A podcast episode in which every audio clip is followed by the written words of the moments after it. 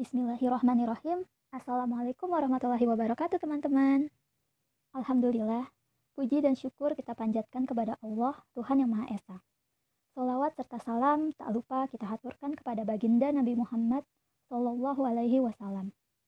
Semoga teman-teman semua yang sedang mendengarkan podcast ini dalam keadaan yang sehat dan selalu dalam lindungan Allah Subhanahu wa Ta'ala. Amin ya Robbal 'Alamin. Perkenalkan teman-teman, saya Zulkaidah Mutmainah. Tapi tenang, di sini saya nggak sendirian. Di sini saya ditemani oleh teman-teman dari kelompok 2 DAD PKIMM Fikes Uhamka. Di sini ada Luluah, Fadilah, Kanaufal, Nurhayati, juga Agnia. Nah, teman-teman penasaran gak sih apa yang sebenarnya bakal kita bahas pada podcast dakwah kali ini? Di sini kita akan ngebahas soal apa nih, Agnia? Di sini kita bakal ngebahas tema mengenai urgensi dakwah pembatasan akli terhadap nakli. Wah, Masya Allah bahasan kita kali ini menarik nih teman-teman. Kira-kira apa aja sih Dil poin-poin pembahasan kita? Yang bakal kita bahas itu meliputi yang pertama, kenapa kita harus berdakwah? Kedua, apa itu akal? Yang ketiga, apa itu nakal? Yang keempat, kedudukan akal dan nakal. Yang kelima, Alasan mengapa akal harus dibatasi dengan dalil, lalu yang terakhir, contoh realitas bahwa akal tidak mampu memberikan jalan mana yang benar dan mana yang salah. Wah, Masya Allah ya teman-teman apa yang bakal kita bahas kali ini. Oke, sebelum masuk ke pembahasan nih teman-teman, aku mau disclaimer dulu nih. Sejalan dengan podcast, podcast kita kali ini, yaitu podcast dakwah, aku mau menyinggung sedikit nih mengenai kenapa sih kita harus berdakwah. Oke, dakwah itu merupakan salah satu syariat yang sayang banget kalau misalnya kita nggak lakuin. Kok gitu? Misalkan kita punya idola nih teman-teman. Pastinya secara nggak sadar kita pengen dong bisa ngelakuin apa yang idola kita lakukan. Nah, kita sebagai seorang muslim, bukankah harusnya mengidolakan baginda Nabi Muhammad di atas segala idola? Harusnya apa-apa yang beliau lakukan dengan senang hati pun akan kita lakukan, iya kan? Nah, salah satu yang disyariatkan dan bahkan dianjur, dianjurkan oleh beliau kepada kita umatnya adalah berdakwah. Oke, menariknya nih teman-teman, kaum terdahulu sebelum Nabi Muhammad, e, mereka itu gak diperintahkan untuk berdakwah. Jadi, sebelum zaman Nabi Muhammad, perintah dakwah itu hanya dilakukan oleh para nabi dan rasulnya saja. Sedangkan mereka para pengikutnya ya hanya menerima dakwanya aja. Kalau misalnya mereka ikut, mereka akan selamat. Sedangkan kalau nggak ikut, ya akan diazab. Nah, istimewanya nih teman-teman dengan kita umat Nabi Muhammad, kita diberi wewenang khusus nih untuk berdakwah. Dalam Quran Surat Yusuf ayat 108, Allah berfirman, Katakanlah Muhammad, inilah jalanku. Wah, jalan apa nih? Jalan aku dan orang-orang yang mengikutiku yang mengajak kamu kepada Allah dengan yakin Maha suci Allah dan aku bukanlah orang bukanlah termasuk orang-orang yang musyrik. Nah, teman-teman, dari ayat ini harusnya kita bangga nih, kita bisa ikut ke jalannya Nabi Muhammad di mana di jalan di jalan tersebut kita bisa menyeru manusia dengan jalan yang seyakin-yakinnya. Di lain ayat nih teman-teman, di Quran surat Fusilat ayat 33, Allah berfirman, "Dan siapakah yang lebih baik perkataannya daripada orang yang menyuruh kepada Allah dan mengajarkan kebajikan seraya berkata, Sungguh, aku termasuk orang-orang muslim yang berserah diri.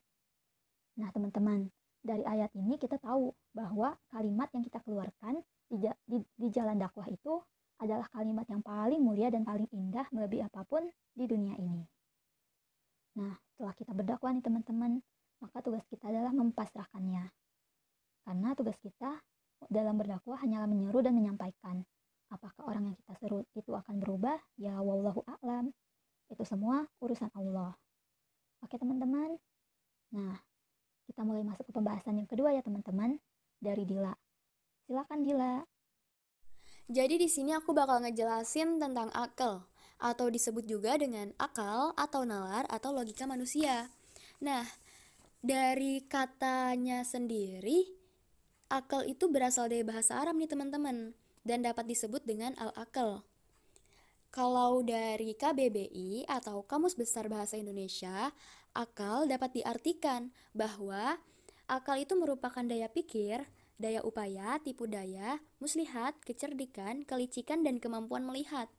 Dan akal itu juga merupakan kemampuan menyerap informasi melalui panca indera loh.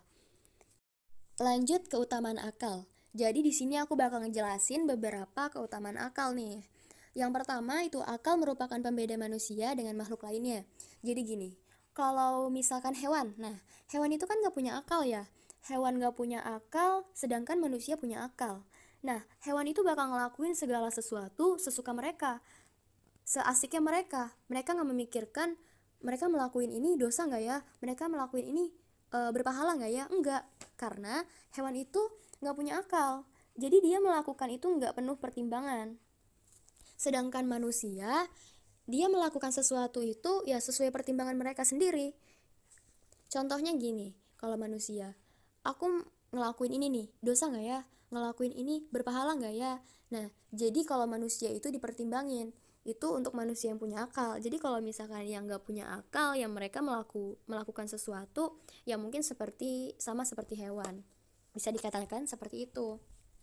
Yang kedua, akal merupakan standar manusia akan dihisapnya segala perbuatan. Jadi, e, manusia yang telah balik, balik itu dapat diartikan bahwa telah mencapai kedewasaan atau organ reproduksinya itu sudah berfungsi. Kalau perempuan itu menstruasi, kalau laki-laki itu mimpi basah. Maka kalau sudah begitu, terhitunglah hisapnya. Sedangkan seperti anak kecil, orang gila, atau orang lupa, bahkan orang tertidur sekalipun itu tidak dihisap. Karena apa? Karena akalnya itu belum berfungsi dengan baik. Yang ketiga, Islam mengharamkan sesuatu yang merusak akal.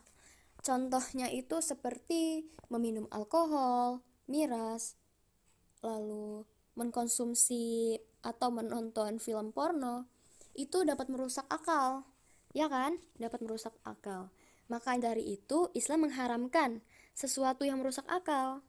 Dan yang terakhir itu akal merupakan alasan diturunkannya syariat Islam. Dapat diartikan bahwa dengan akal manusia itu diarahkan untuk menghayati dan mentadabaruti syarat syariat Islam yang di dalamnya sejatinya adalah petunjuk bagi manusia itu sendiri.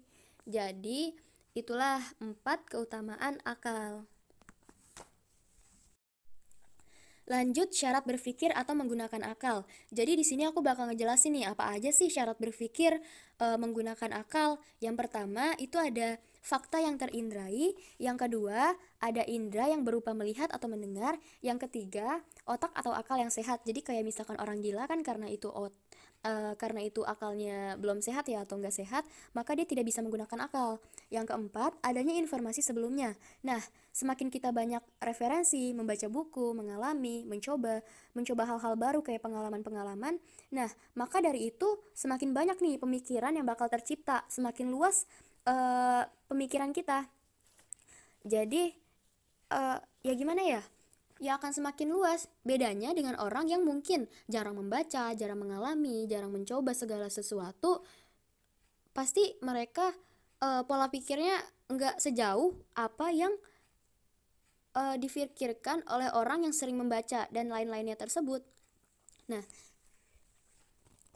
jadi gini aja nih, dapat diartikan bahwa gini, uh, penggunaan akal. Kalau misalkan dia nggak ada fakta, tapi ngomong, nggak punya indera tapi bicara, otaknya rusak atau gila, nggak punya informasi sebelumnya. Jadi kalau misalkan salah satu itu dia nggak punya, terus menyimpulkan segala sesuatu, nah itu tuh bukan merupakan proses berpikir, tapi itu merupakan hayalan, halu, atau nggak ngarang. Jadi, maka dari itu, kalau kita mau menyimpulkan sesuatu, kita harus punya empat itu nggak bisa tuh kita uh, tiga doang. Kayak misalkan adanya fakta terindrai atau adanya indera yang melihat atau dan mendengar atau otak yang sehat. Tapi yang keempatnya nggak ada kayak uh, informasi sebelumnya itu nggak ada. Jadi dengan begitu kita harus memiliki empat cara berpikir atau empat menggunakan akal itu. Jadi gitu teman-teman. Oke deal. Berarti kalau misalnya kita sering mikirin doi nih atau mikirin bias gitu secara terus-menerus, itu bukan proses dari menggunakan akal ya, Tio, tapi halu. Oke, oke. kita lanjut ke pembahasan ketiga ya teman-teman. Nah teman-teman, pembahasan ini sepertinya agak berat nih. Jadi, kuatkan sabuk pengaman, pasang telinga lebar-lebar, siapkan catatan, dan silakan Agnia. Oke teman-teman, kali ini kita akan ngebahas nakli baik dari Al-Quran maupun As-Sunnah. Dalam Al-Quran, surat Al-Ma'idah ayat 3 dijelaskan, pada hari ini telah aku sempurnakan agamamu untukmu dan telah aku cukupkan nikmatku bagimu dan telah aku ridhoi Islam sebagai agamamu. Di dalam ayat itu udah dijelasin bahwa Islam itu udah sempurna, indah dan paripurna. Jadi kalau kita punya masalah atau apa pun, cari solusinya di dalam Islam, jangan di tempat lain. Nah, kita juga harus tahu nih, kalau Islam itu punya setidaknya dua sumber, yaitu Al-Quran dan As-Sunnah. Kita akan kulik satu-satu ya teman-teman. Yang pertama ada Al-Quran. Di Al-Quran itu e, juga terdapat dua surah, ada Makiyah dan Madaniyah. Bedanya apa sih? Kalau Makiyah itu merupakan surat yang diturunkan kepada Nabi Muhammad ketika beliau berada di Mekah dan belum hijrah ke Madinah. Kalau surah Madaniyah yaitu ayat-ayat Al-Quran yang diturunkan kepada Rasulullah di kota Madinah setelah peristiwa hijrah. Gitu teman-teman. Nah, selain itu ada juga nih tipe-tipe ayat Al-Quran. Yang pertama itu ada ayat muhkamat adalah ayat-ayat yang memiliki arti yang pasti dan tidak samar-samar. Artinya, pemahaman ayat muhkamat adalah pemahaman yang tidak meragukan. Sebagai contoh, jika bicara mengenai keberadaan Allah, maka pemahamannya akan didasarkan pada firman Allah surat pada Asyura ayat 11, yaitu tidak ada sempurna yang serupa dengan Allah. Yang kedua, ada ayat mutasyabihat Ayat ini disebut sebagai ayat yang samar-samar. Biasanya ayat mutasyabihat saling berkaitan dengan sifat Allah, di mana kita tidak bisa memahami hal tersebut secara literasi dan mentah gitu. Karena jika dimaknai secara literal akan memberikan kesan bahwa Allah memiliki kekurangan yang sama dengan makhluknya. Salah satu contoh ayat mutasyabihat adalah ayat yang menjelaskan tentang keberadaan Allah. Dalam surat At-Toha ayat 5 disebutkan bahwa Allah beristimewa di atas arsh, sedangkan di surat Al-Baqarah ayat 115 dikatakan bahwa Allah berada di berbagai tempat di muka bumi. Dan di surat As-Sof ayat 99 disebutkan bahwa Nabi Ibrahim akan pergi menuju kepada Tuhan dan dalam kisahnya disebutkan bahwa Nabi Ibrahim akan pergi ke Palestina. Sekarang teman-teman udah paham ya mengenai Al-Quran, gimana istimewanya, gimana perbedaannya, gimana tipe-tipenya. Sekarang kalian bisa bedain kan? Kalau gitu kita lanjut ke As-Sunnah. As-Sunnah adalah segala sesuatu yang disandarkan dari Nabi Muhammad baik berupa perkataan, perbuatan, ketetapan, dan sifat beliau. Allah Subhanahu wa taala berfirman dalam Quran surat Al-Ahzab ayat 21. Sesungguhnya telah ada pada diri Rasulullah itu suri tauladan yang baik bagimu. Nah, dari ayat ini kita harus mencontoh Rasulullah dalam segala aspek, tidak hanya perkataan, tapi juga tindakan beliau, yang pada hakikatnya adalah kebaikan untuk kita. Nah, di dalam asuna ini juga ada tipe-tipenya ini teman-teman. Yang pertama itu ada sunnah kauliyah atau kaul berarti ucapan dan perkataan, sedangkan sunnah kauliyah berarti sunnah yang disandarkan dari perkataan atau sabda Nabi Muhammad Wasallam. Yang kedua ada sunnah fi'liyah atau fi'il berarti perbuatan dan tindakan, sedangkan sunnah fi'liyah berarti sunnah yang disandarkan dari perbuatan dan tindakan Nabi Muhammad Wasallam. Yang ketiga ada sunnah takrir ya, secara bahasa yaitu takrir, berarti ketetapan. Sedangkan sunnah takrir berarti sunnah yang disandarkan dari ketetapan Nabi Muhammad. Maksud ketetapan Nabi Muhammad di sini adalah ketika beliau melihat perbuatan sahabat, namun beliau tidak memerintahkan dan tidak pula melarang. Ketetapan tersebut menunjukkan bolehnya perbuatan tersebut. Yang keempat ada sunnah hamimiyah memiliki pengertian keinginan atau rencana. Nabi yang disampaikan pada para sahabat namun tidak tidak atau belum terrealisasikan. Walaupun dalam sunnah ini tidak semua ulama sepakat. Begitu teman-teman. Oke Nia cukup berat ya teman-teman. Tapi nggak apa-apa. Setelah ini bisa nih kita cari tahu atau bahkan bisa nih kita kita temuin langsung ustadz atau ustazah untuk kita nanya lebih lanjut nih mengenai Al-Quran dan As-Sunnah lebih mendalam ya teman-teman. Nah lanjut nih teman-teman ke pembahasan keempat. Setelah tadi kita tahu nih apa itu nakal dan akal, sekarang giliran Nur Hayati yang bakal ngejelasin sebenarnya gimana sih kedudukan akal dan nakal dalam Islam itu. Silakan Nur Hayati. Pada kesempatan ini aku akan ngejelasin uh, kedudukan akli dan nakli dalam Islam. Apa sih kedudukan akli dan nakli dalam Islam? Akal merupakan pandangan Islam yang diletakkan pada tempat yang layak, tidak meninggikan hingga menjadi sesuatu yang dipertuhankan, tetapi juga tidak direndahkan atau dihinakan, hingga penyandang tidak ubahnya seperti hewan. Islam telah menunjukkan beberapa penghormatan terhadap akal, di antaranya dalam menegakkan dakwah kepada iman berdasarkan kepuasan akal. Dalam hal ini, Islam mengarahkan untuk berpikir dan mengamati seperti firman Allah dalam Quran Surat An-Nisa ayat 92. Yang, yang artinya, maka apakah mereka tidak memperhatikan Al-Quran? Kalau sekiranya Al-Quran itu bukan dari sisi Allah, tentulah mereka mendapatkan pertentangan yang banyak di dalamnya. Islam juga menantang akal manusia agar mendatangkan kitab semisal Al-Quran. Diharapkan dengan ketidakmampuan akal manusia untuk mendatangkan kitab semisal Al-Quran, manusia mau mengakui bahwa Al-Quran benar-benar datang dari sisi Allah, seperti firman Allah dalam Quran surat At-Tur ayat 34, yang artinya, maka hendaklah mereka mendatangkan kalimat semisal Al-Quran itu, jika mereka orang-orang yang benar. Maka dalam penjelasan tadi nih, teman-teman, Akal haruslah dibatasi dengan dalil.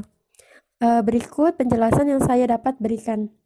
Hmm, lantas, mengapa ya akal tuh harus dibatasi dengan dalil ya kan Noval? Nah, ini ada alasan mengapa akal harus dibatasi dengan dalil, yaitu karena akal adalah nikmat dari Allah yang harus dipergunakan dengan sebaik mungkin agar kita dapat menjalankan perintah Allah dengan benar. Bukan malah kita memikirkan apa yang sudah Allah perintahkan, baik melalui Al-Quran ataupun hadis Rasul.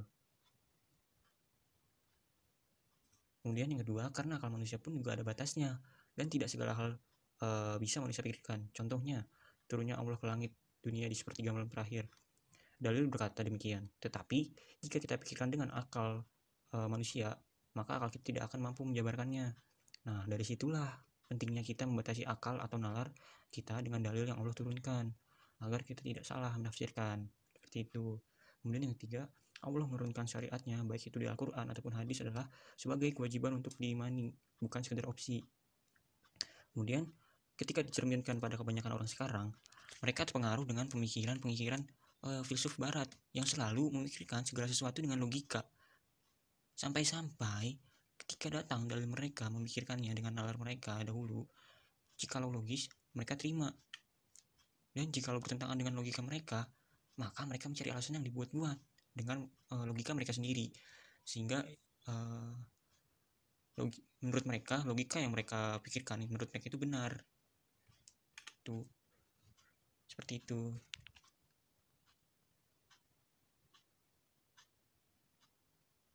Berarti pada realitasnya, akal itu nggak mampu ya memberikan jalan mana yang benar dan jalan mana yang salah.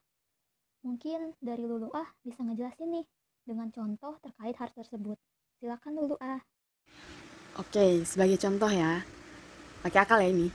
Kalau misalkan pakai akal, bakal, maksudnya bakal nggak nemu gitu mana cara yang benar, mana cara yang salah. Pasti menurut akal tuh dua-duanya bakal sah-sah aja. Kalau kita terusin, misalkan makanan ya, makanan udah dapat nih tinggal makan. Tapi pasti mikir kan nah cara makan yang bener gimana coba? Ya kan? Kalau pakai akal pakai akal kita akan menemukan banyak cara makan. Sampai ada namanya teori table manner. Oh pakai garpu pakai sendok pakai mangkok pakai sumpit pakai tangan dan masih banyak lagi macamnya kan. Sampai banyak tutorialnya dan setiap negara itu pasti berbeda-beda itu hasil akal Pertanyaannya, mampukah akal mendefinisikan mana cara makan yang benar? Sederhana deh, mana yang benar makan tangan kiri atau tangan kanan, atau makan yang mana aja terserah. Pasti dari sini tuh muncul jawaban yang berbeda-beda setiap orang. Si akal nggak bisa. Kalau akal bilang yang benar adalah tangan kanan, karena tangan yang baik, dan tangan kiri ini buat pup, maka tinggal ditukar aja. Ini kan masalah kebiasaan aja ya. Tinggal tangan kanannya buat pup tangan kirinya buat makan fine-fine aja kan. Masalah ini kalau diterusin bisa luar biasa lagi. Misalkan batasan aurat. Pakaian yang bener yang mana? Kalau kita lihat dari akal akal pasti bisa menemukan berbagai ribuan ratusan jenis fashion. Pertanyaannya bisakah akal menemukan mana berpakaian benar? Kalau dengan akal pasti berbeda-beda bagi orang Amerika bikini tank top fine-fine aja. Tapi bagi orang Arab tidak. Orang Arab biasanya cadar, gamis, ya kan? Dan setiap negara punya cara yang berbeda-beda juga. Itu kalau pakai akal. Masalah sepele, masalah sepele ya ini. Ini masih hal-hal yang sepele. Nah, gak cuma cara makan, gak cuma cara berpakaian. Nah, kalau misalkan nih, masalah yang lebih besar gimana? Misalnya, bagaimana menghidupi 250 juta jiwa warga Indonesia. Nah, tapi pemerintah kita punya cara tuh untuk memenuhi kebutuhan rakyatnya. Nah, pertanyaannya, kenapa negara Amerika punya cara A, Belgia punya cara B, Cina punya cara C? Kok beda kok bisa sih beda-beda setiap negara dan setiap tahunnya pun e, mempunyai cara yang bergantian. Nah, dari sini kita bisa lihat karena segala hal yang berasal dari pemikiran manusia itu relatif. Itu bukti bahwa akal kita ini nggak benar, senantiasa berubah-ubah, mencari lagi mana yang lebih mana yang baik dan lebih baik lagi. Misalkan hari ini caranya ini, menurut kita baik. Sedangkan untuk hari esok, cara itu ternyata salah, gitu kan. Dan menemukan cara yang lebih baik lagi dari hari sebelumnya. Ini bukti bahwa akal kita ini nggak bisa menentukan mana yang salah dan mana yang benar. Nah, gimana dong solusinya? Nah, solusinya akal bisa menentukan dan menemukan bagaimana cara how to. Tapi kok akal nggak bisa menemukan menentukan kebenaran? Ya, itu kesimpulannya. Akal diciptakan bukan untuk memproseskan kebenaran, tapi untuk menemukan sang maha benar. Contoh sederhananya gini. Misalkan akal yang hebat ini diciptakan dan dipakai untuk menemukan Tuhan. Lalu kita tinggal bertanya kepada Tuhan, Tuhan apa solusi dari masalah ini? Simpel kan? Nah, sejalannya dengan firman Allah dalam Quran surat Ar-Rum ayat 8 yang artinya dan mengapa mereka tidak memikirkan tentang kejadian diri mereka? Allah tidak menjadikan langit dan bumi dan apa yang di antara keduanya, melainkan dengan tujuan yang benar dan waktu yang ditentukan. Dan sesungguhnya kebanyakan di antara manusia benar-benar ingkar akan pertemuan dengan rohnya. Oh, oke oke. Nangkep nih intinya. Mungkin contoh lainnya gini ya. Misalnya kita mau nih buka HP teman kita. Tapi sayangnya HP tersebut dikunci. Terus kita pusing banget gitu mecahin kunci tersebut. Kita pikir sampai pusing dan coba dan coba untuk mecahin kunci tersebut berkali-kali. Padahal caranya itu simpel banget. Kita cari teman kita, terus kita tanya, passwordnya apa ya? Gampang kan? Oke teman-teman, maka pada kesimpulannya tujuan hidup manusia sebagaimana dalam Quran surat Az-Zariyat ayat 56 adalah untuk beribadah kepada Allah. Maka dari itu, akal kita diciptakan juga untuk beribadah kepadanya, bukan untuk berkehendak sesuai kemauan kita sendiri. Karena akal kita akan dihisap sebagaimana tadi pun udah dijelasin. Maka dari itu, pilihlah jalan yang terbaik, jalan yang berpahala, jalan yang sesuai dengan syariat Allah dan tuntunan Rasulullah dan semoga dengan dengan adanya kita berdakwah ini semoga kita bisa sama-sama terus berada di jalannya yang lurus dan senantiasa berlomba-lomba dalam kebaikan karena pada akhirnya hakikat diciptakannya seorang manusia beserta perangkat-perangkat yang ada di dalamnya hanyalah untuk menyembah dan mengabdi kepada Allah. Wallahu a'lam. Begitu teman-teman kita cukupkan urgensi dakwah pembata pembatasan akal terhadap nakal kali ini. Masya Allah ya teman-teman, apa yang udah teman-teman tadi sampaikan, semoga bermanfaat. Aku Zulka beserta seluruh anggota kelompok 2, Lulu, Kanaufal, Dila, Agnia, juga Nur Hayati, mohon pamit undur diri teman-teman. Mohon maaf bila ada salah-salah kata, bila bilahi fisabilil haq, astabikul khairat, wassalamualaikum warahmatullahi wabarakatuh.